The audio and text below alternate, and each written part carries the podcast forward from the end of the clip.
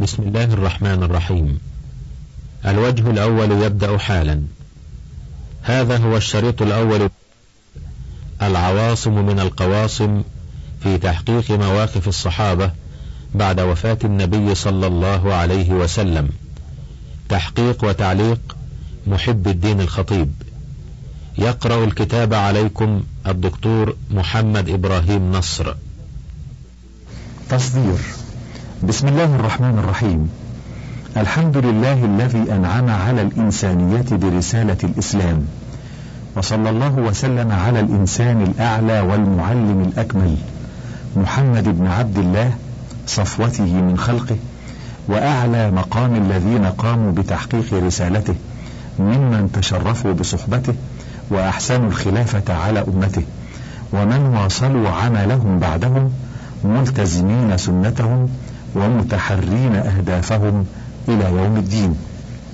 وبعد فإن هذا العالم الإسلامي الذي نعتز بالانتساب إليه ونعيش لإسعاده والسعادة به قد افتتح أكثره في الدولة الإسلامية الأولى بعد الخلفاء الراشدين ودخل معظم شعوبه في هداية الإسلام على أيدي الخلفاء الأمويين وولاتهم وقواد جيوشهم إتماما لما بدأ به صاحب رسول الله صلى الله عليه وسلم وخليفتاه الأولان أبو بكر وعمر سلام الله عليهما ورضي عنهما وأرضاهما وأحسن جزاءهما عنا وعن الإسلام نفسه وجميع أهله. وإن حادثة انتشار الإسلام وحادثة دخول الأمم فيه أصبحت في ذمة التاريخ.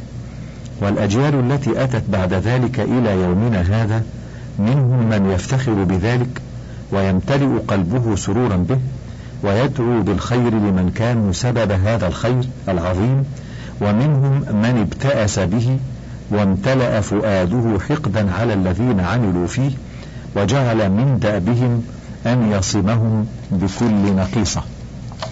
وقد نعذر الذين لم يذوقوا حلاوة الإسلام وحالت البيئة بينهم وبين الأنس بعظمته وشريف أغراضه وسيرة الذين قاموا به إذا نظروا إلى تاريخ الإسلام نظرة خاطئة واتخذوا له في أذهانهم صورة غير صورته التي كانت له في الواقع. ولكني أعترف ولا فائدة من الإنكار بأن في المنسوبين إلى الإسلام من يبغض حتى الخليفة الأول لرسول الله صلى الله عليه وسلم ويقلب جميع حسناته سيئات. وإن أحد الذين شاهدوا بأعينهم عدل عمر وزهده في متع الدنيا وإنصافه لجميع الناس لم يستطع أن يمنع الحقد الذي في فؤاده على الإسلام من أن يدفعه إلى طعنه بالسكين دون أن يسيء إليه. وفي قوم طاعن عمر بالسكين من يؤلفون المؤلفات إلى يومنا هذا في تشويه حسنات هذا المثل الأعلى للعدل والإنسانية والخير. وفي عصر عثمان من ضاقت صدورهم بطيبة ذلك الخليفة الذي خلق قلبه من رحمة الله فاخترعوا له ذنوبا وما زالوا يكررونها على قلوبهم حتى صدقوها وتفننوا في إذاعتها. ثم استحلوا سفك دمه الحرام في الشهر الحرام بجوار قبر أبي زوجتيه محمد عليه الصلاة والسلام. وما برحت الإنسانية تشاهد المعجزات من رجالات الإسلام في نشره وإدخال الأمم فيه وتوسيع النطاق في الآفاق لكلمة الله أكبر حي على الفلاح حتى نودي بها على جبال السند وفي ربوع الهند وعلى سواحل المحيط غربا. وفي أودية أوروبا وجبالها بما لا يملك أن يصفه حتى أعداء الإسلام إلا بأنه معجزة. كل هذا في زمن هذه الدولة الأموية التي لو صدر عن المجوس وعبدة الأوثان عشر ما صدر عنها من الخير وجزء من مئة جزء مما أثر عن رجالها من إنصاف ومروءة وكرم وشجاعة وإيثار وفصاحة ونبل لرفعوا لأولئك المجوس والوثنيين ألوية الثناء والتقدير في الخافقين. والتاريخ الصادق لا يريد من أحد أن يرفع لأحد لواء الثناء والتقدير لكنه يريد من كل من يتحدث عن رجاله أن يذكر لهم حسناتهم على قدرها وأن يتقي الله في ذكر سيئاتهم فلا يبالغ فيها. ولا ينخدع بما افتراه المغرضون من أكاذيبها ونحن المسلمين لا نعتقد العصمة لأحد بعد رسول الله صلى الله عليه وسلم. وكل من ادعى العصمة لأحد بعد رسول الله صلى الله عليه وسلم فهو كاذب. فالإنسان إنسان يصدر عنه ما يصدر عن الإنسان فيكون منه الحق والخير ويكون منه الباطل والشر. وقد يكون الحق والخير في إنسان بنطاق واسع فيعد من أهل الحق والخير ولا يمنع هذا من أن تكون له هفوات. وقد يكون الباطل والشر في إنسان آخر بنطاق واسع فيعد من أهل الباطل والشر ولا يمنع هذا من أن تبدر منه بوادر صالحات في بعض الأوقات. يجب على من يتحدث عن أهل الحق والخير إذا علم لهم هفوات ألا ينسى ما غلب عليهم من الحق والخير. فلا يكفر ذلك من أجل تلك الهفوات ويجب على من يتحدث عن أهل الباطل والشر إذا علم لهم بوادر صالحات ألا يوهم الناس أنهم من الصالحين من أجل تلك الشوارد الشاذة من أعمالهم الصالحات. إن أحداث المئة الأولى من عصور الإسلام كانت من معجزات التاريخ وإن العمل الذي عمله أهل المئة الأولى من ماضينا السعيد لم تعمل مثله في أمة من أمة كأمة الرومان ولا في أمة اليونان قبلها ولا في أمة من أمم الأرض بعدها. أما أبو بكر وعمر وسائر الخلفاء الأربعة الراشدين وإخوانهم من العشرة المبشرين بالجنة وطبقتهم من أصحاب رسول الله صلى الله عليه وسلم خصوصا الذين لازموه وراقبوه وتمتعوا بجميل صحبته. من أنفق منهم من قبل الفتح وقاتل والذين أنفقوا من بعد وقاتلوا فإنهم جميعا كانوا شموسا طلعت في سماء الإنسانية مرة. ولا تطمع الإنسانية بأن يطلع في سمائها شموس من طرازهم مرة أخرى. إلا إذا عزم المسلمون على أن يرجعوا إلى فطرة الإسلام ويتأدبوا بأدبه من جديد فيخلق الله منهم خلقا آخر يعيش للحق والخير ويجاهد الباطل والشر حتى تعرف الإنسانية طريقها الحقيقي إلى السعادة. وهذه الشموس من أصحاب رسول الله صلى الله عليه وسلم تتفاوت أقدارها وتتباين في أنواع فضائلها. إلا أنها كلها كانت من الفضائل في مرتقى درجاتها. وإذا بدأ المشتغلون بتاريخ الإسلام من أفاضل المسلمين في تمييز الأصيل عن الدخيل من سيرة هؤلاء الأفاضل العظماء فإنهم ستأخذهم الدهشة لما اخترعه إخوان أبي لؤلؤة وتلاميذ عبد الله بن سبأ والمجوس الذين عجزوا عن مقاومة الإسلام وجها لوجه في قتال شريف. فدعوا الإسلام كذبا ودخلوا قلعته مع جنوده خلسة وقاتلوهم بسلاح التقية بعد أن حولوا مدلولها إلى النفاق. فأدخلوا في الإسلام ما ليس منه وألصقوا بسيرة رجاله ما لم يكن فيها ولا من سجية أهلها. وبهذا تحولت أعظم رسالات الله وأكملها إلى طريقة من الخمول والعطالة والجمود كان من حقها أن تقتل الإسلام والمسلمين قتلا لولا قوة الحيوية الخارقة التي في الإسلام وهي التي يرجى إذا رجعنا إليها وجردناها من الطوارئ عليها وخلصنا سيرة رجالها مما شيبت به وسرنا في طريقهم مخلصين أن نعود مسلمين من ذلك الطراز الأول كما كان في الواقع لا كما أراد مبغض الصحابة والتابعين لهم بإحسان أن يعرضوه على الناس. ونحن بتقديمنا هذه الحقائق من قلم الإمام ابن العربي أو من النصوص الأصيلة التي علقنا بها عليها إنما أردنا عكس ما يريد المتعرضون لهذه البحوث من ترديد خلافات عفى عليها الزمن. والصحابة كانوا أسمى أخلاقا وكانوا أصدق إخلاصا لله وترفعا عن خسائس الدنيا من أن يختلفوا للدنيا. لكن كان في عصرهم من الأيدي الخبيثة التي عملت على إيجاد الخلاف وتوسيعه كالأيدي الخبيثة التي جاءت فيما بعد فصورت الوقائع بغير صورتها. ولما كان أصحاب رسول الله صلى الله عليه وسلم هم قدوتنا في ديننا وهم حملة الكتاب الإلهي والسنة المحمدية. إلى الذين حملوا عنهم أماناتها حتى وصلت إلينا.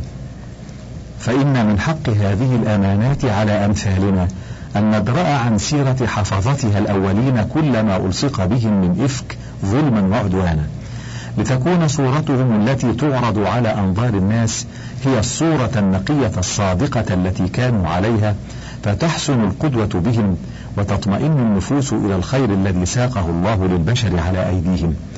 وقد اعتبر في التشريع الإسلامي أن الطعن فيهم طعن في الدين الذي هم رواته وتشويه سيرته تشويه للأمانة التي حملوها وتشكيك في جميع الأسس التي قام عليها كيان التشريع في هذه الملة الحنيفية السمحة.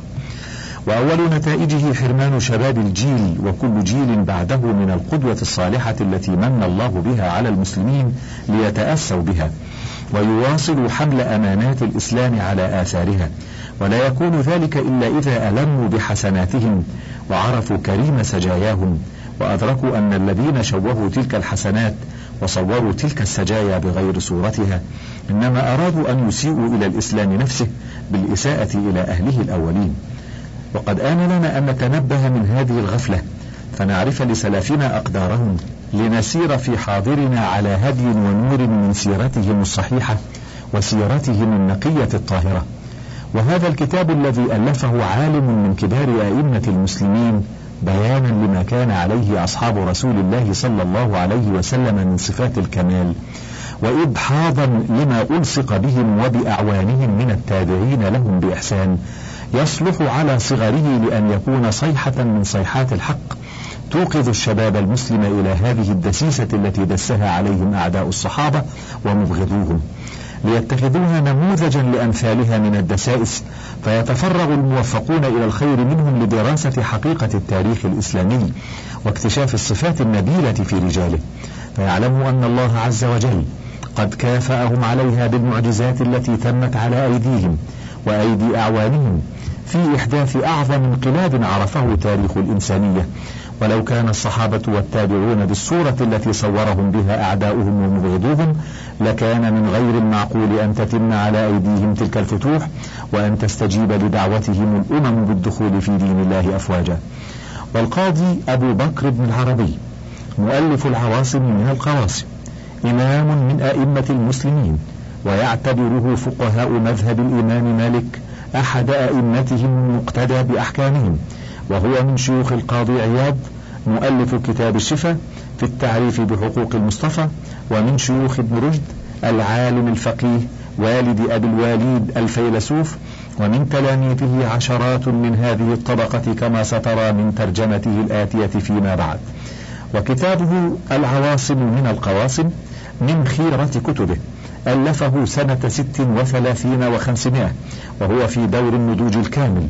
بعد أن امتلأت الأمصار بمؤلفاته وبتلاميذه الذين صاروا في عصرهم أئمة يهتدى بهم وهذا الكتاب في جزئين متوسط الحجم.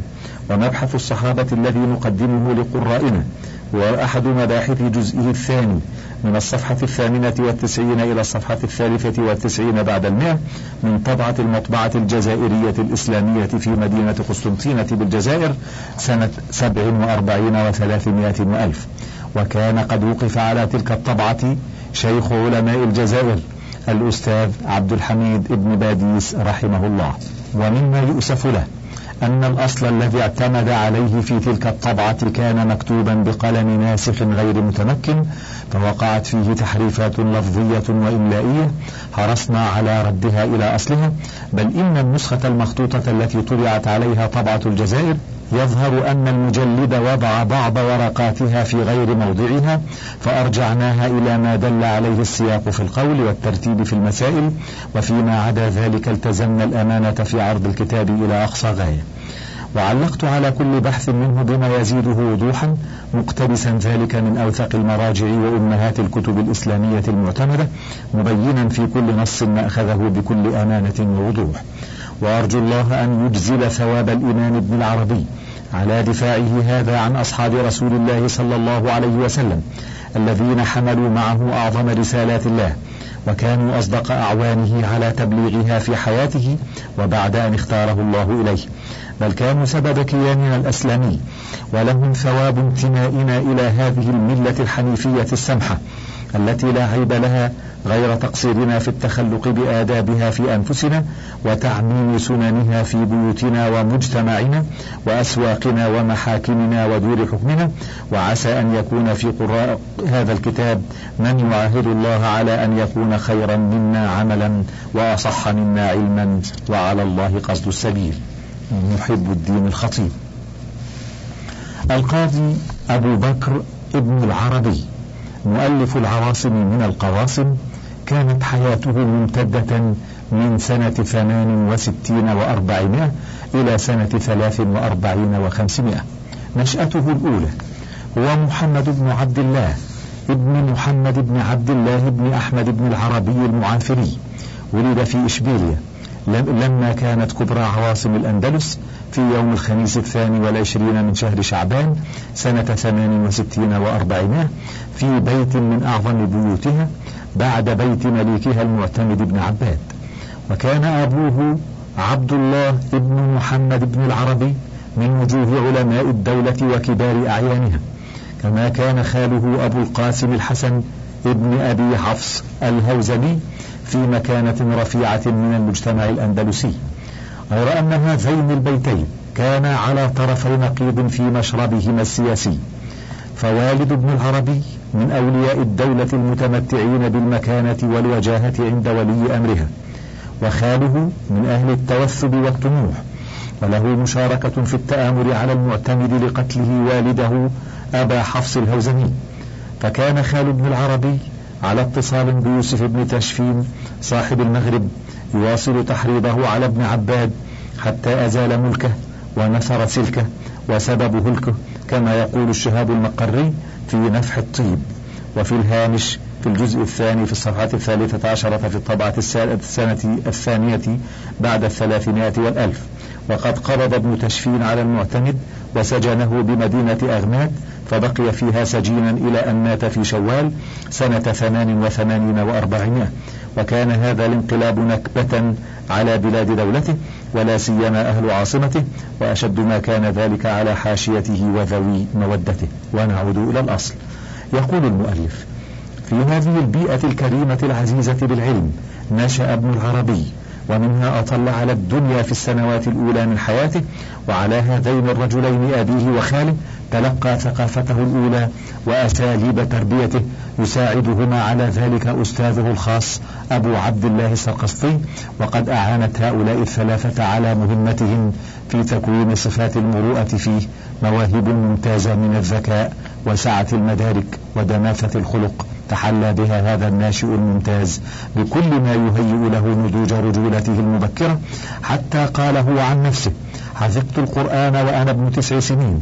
ثم ثلاثا لضبط القرآن والعربية والحساب فبلغت ست عشرة سنة. وقد قرأت من الأحرف أي من القراءات نحوا من عشرة بما يتبعها من إظهار وإدغام ونحو وتمرنت في الغريب والشعر واللغة. رحلته عن أشبيلية. ولما بلغ السابعة عشرة من عمره قضى الله بسقوط دولة آل عباد في سنة خمس وثمانين وأربعمائة فخرج به أبوه من أشبيليا يوم الأحد مستهل ربيع الأول قاصدا شمال إفريقيا.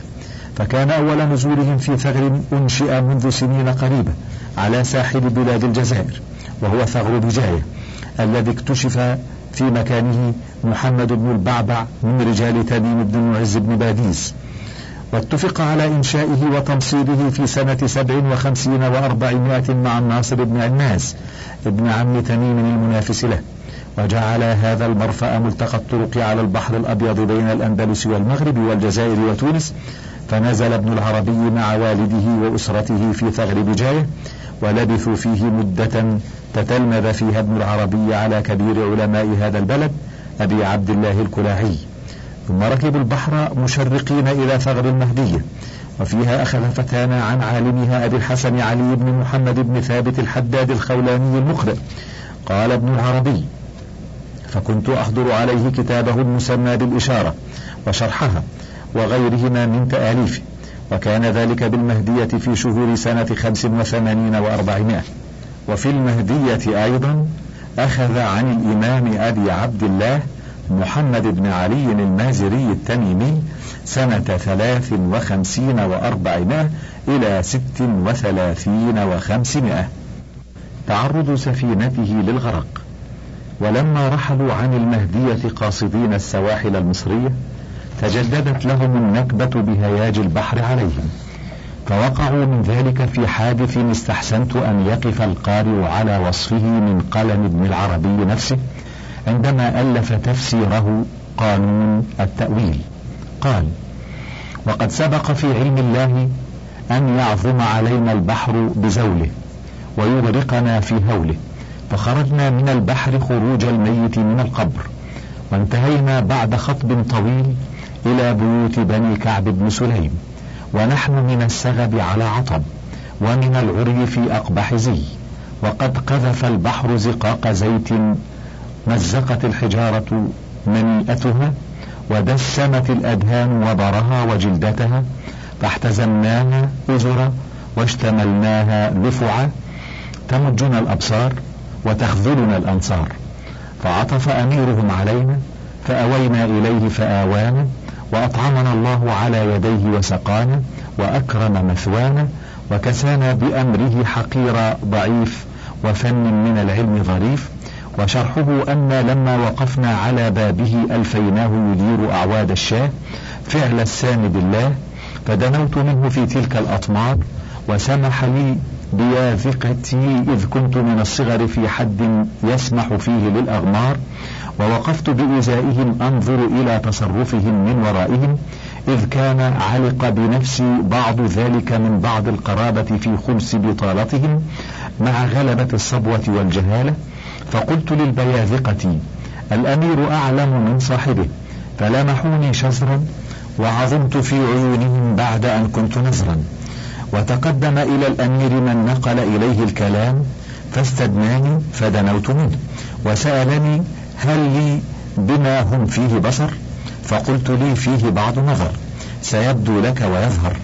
حرك تلك القطعة ففعل وعرضه صاحبه فأمرته أن يحرك أخرى وما زالت الحركات بينهم تترى حتى هزمهم الأمير وانقطع التدبير فقالوا ما أنت بصغير. وكان في أثناء تلك الحركات قد ترنم ابن عم الأمير منشدا وأحلى الهوى ما شك في الوصل ربه وفي الهجر فهو الدهر يرجو ويتقي. فقال لعن الله أبا الطيب أو يشك الرب؟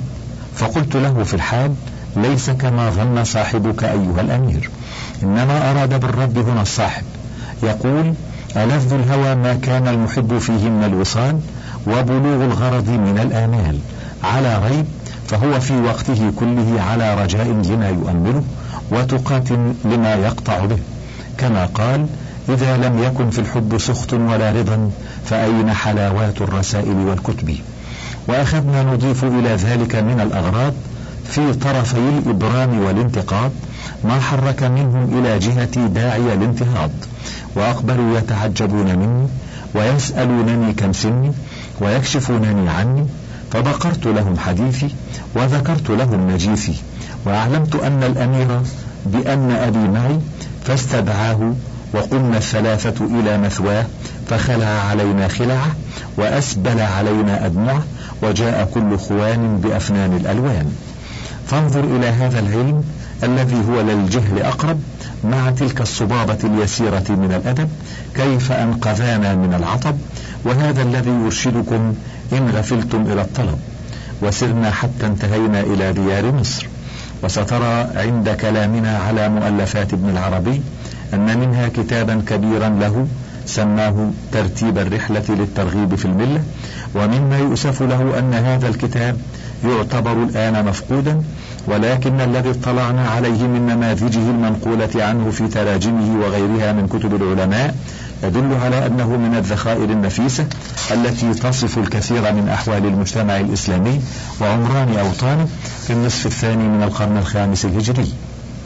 وتنوه بدخائل أعلامه من العلماء والحكام بقدر ما اطلع عليه هذا العالم الرحالة الدقيق النظر الذكي الفطرة الحريص على الإلمام بجميع أبواب المعرفة. ولو وقع لنا كتاب رحلته لانتفعنا منه كثيرا في تدوين ترجمته ولا سيما في السنوات التسع من الخامسة والثمانين بعد الأربعمائة إلى الثالثة والتسعين بعد الأربعمائة التي قضاها في خارج الأندلس بين حادثة سقوط دولة آل عباد والوقت الذي شاء الله له أن يعود فيه إلى وطنه. مروره بالديار المصرية. ومما لا شك فيه أن ابن العربي ووالده لم يطيل اللبث في كرم مضيفهم أمير قبيلة بني كعب بن سليم. فتوجها قاصدين ديار مصر التي كان طريقهم عليها أيضا عند انتهاء الرحلة. وكان الحكم في مصر عند وصولهما إليها آخر سنة خمس وثمانين وأربعمائة للمستنصر أبي تميم معد حفيد الحاكم. وكان علماء أهل السنة قليل الظهور حتى إن ابن العربي كان يذهب إلى القرافة الصغرى قريبا من قبر الإمام محمد بن إدريس الشافعي ليلقى فيها شيخه مسند مصر القاضي أبا الحسن علي بن الحسن بن الحسين بن محمد الخلعي الموصلي الأصل. المصري المولد الشافعي سنة خمس وأربعمائة إلى سنة اثنتين وتسعين وأربعمائة. ولهذا العالم ترجمة في حرف العين من وفيات الأعيان وفي طبقات الشافعية لابن السبكي في الجزء الثالث في الصفحة السادسة والتسعين بعد المئتين وفي شذرات الذهب لابن العماد الحنبلي في الجزء الثالث في الصفحة الثامنة والتسعين بعد الثلاثمائة. وممن لقيهم في مصر وأخذ عنهم أبو الحسن بن شرف ومهدي الوراق وأبو الحسن بن داود الفارسي. وصوله إلى بيت المقدس وشرق الأردن. وواصل ابن العربي رحلته مع أبيه إلى بيت المقدس. وكان فيها الإمام أبي بكر محمد بن الوليد الطرطوشي الفهري سنة واحد وخمسين وأربعمائة إلى عشرين وخمسمائة من كبار علماء المالكية الأندلسيين. وهو كابن العربي خرج من الأندلس إلى المشرق فذهب إلى العراق وجاء منها إلى دمشق وبيت المقدس فلقيه فيها ابن العربي واستفاد منه كثيرا قبل مجيء الطرطوشي إلى الإسكندرية. ويقول ابن العربي فيما نقله عنه صاحب نفح الطيب في الجزء الأول في الصفحة الحادية والأربعين بعد الثلاثمائة. تذكرت بالمسجد الأقصى مع شيخنا أبي بكر الفهري الطرطوشي حديث أبي ثعلبة المرفوع إن من ورائكم أياما للعامل فيها أجر خمسين منكم. فقالوا منهم فقال بل منكم أي من الصحابة لأنكم تجدون على الخير أعوانا وهم لا يجدون عليه أعوانا. وتفاوضنا كيف يكون أجر من يأتي من الأمة أضعاف أجر الصحابة مع أنهم قد أسسوا الإسلام وعضدوا الدين وأقاموا المنار واقتحموا الأمصار وحموا البيضة ومهدوا الملة وقد قال صلى الله عليه وسلم في الصحيح لو أنفق أحدكم كل يوم مثل أحد ذهبا ما بلغ مد أحدهم ولا نصفه فتراجعنا القول وتحصل ما أوضحناه في شرح الصحيح وخلاصته أن الصحابة كانت لهم أعمال كثيرة لا يلحقهم فيها أحد ولا يدانيهم فيها بشر. وأعمال سواها من فروع الدين يساويهم فيها في الأجر من أخلص إخلاصهم وخلصها من شوائب البدع والرياء بعدهم. والأمر بالمعروف والنهي عن المنكر باب عظيم هو ابتداء الدين والإسلام وهو أيضا انتهاؤه. حتى إذا قام به قائم مع احتواشه بالمخاوف وباع نفسه في الدعاء إليه كان له من الأجر أضعاف ما كان لمن كان متمكنا منه معانا عليه بكثرة الدعاة إلى الله. انتهى الوجه الأول.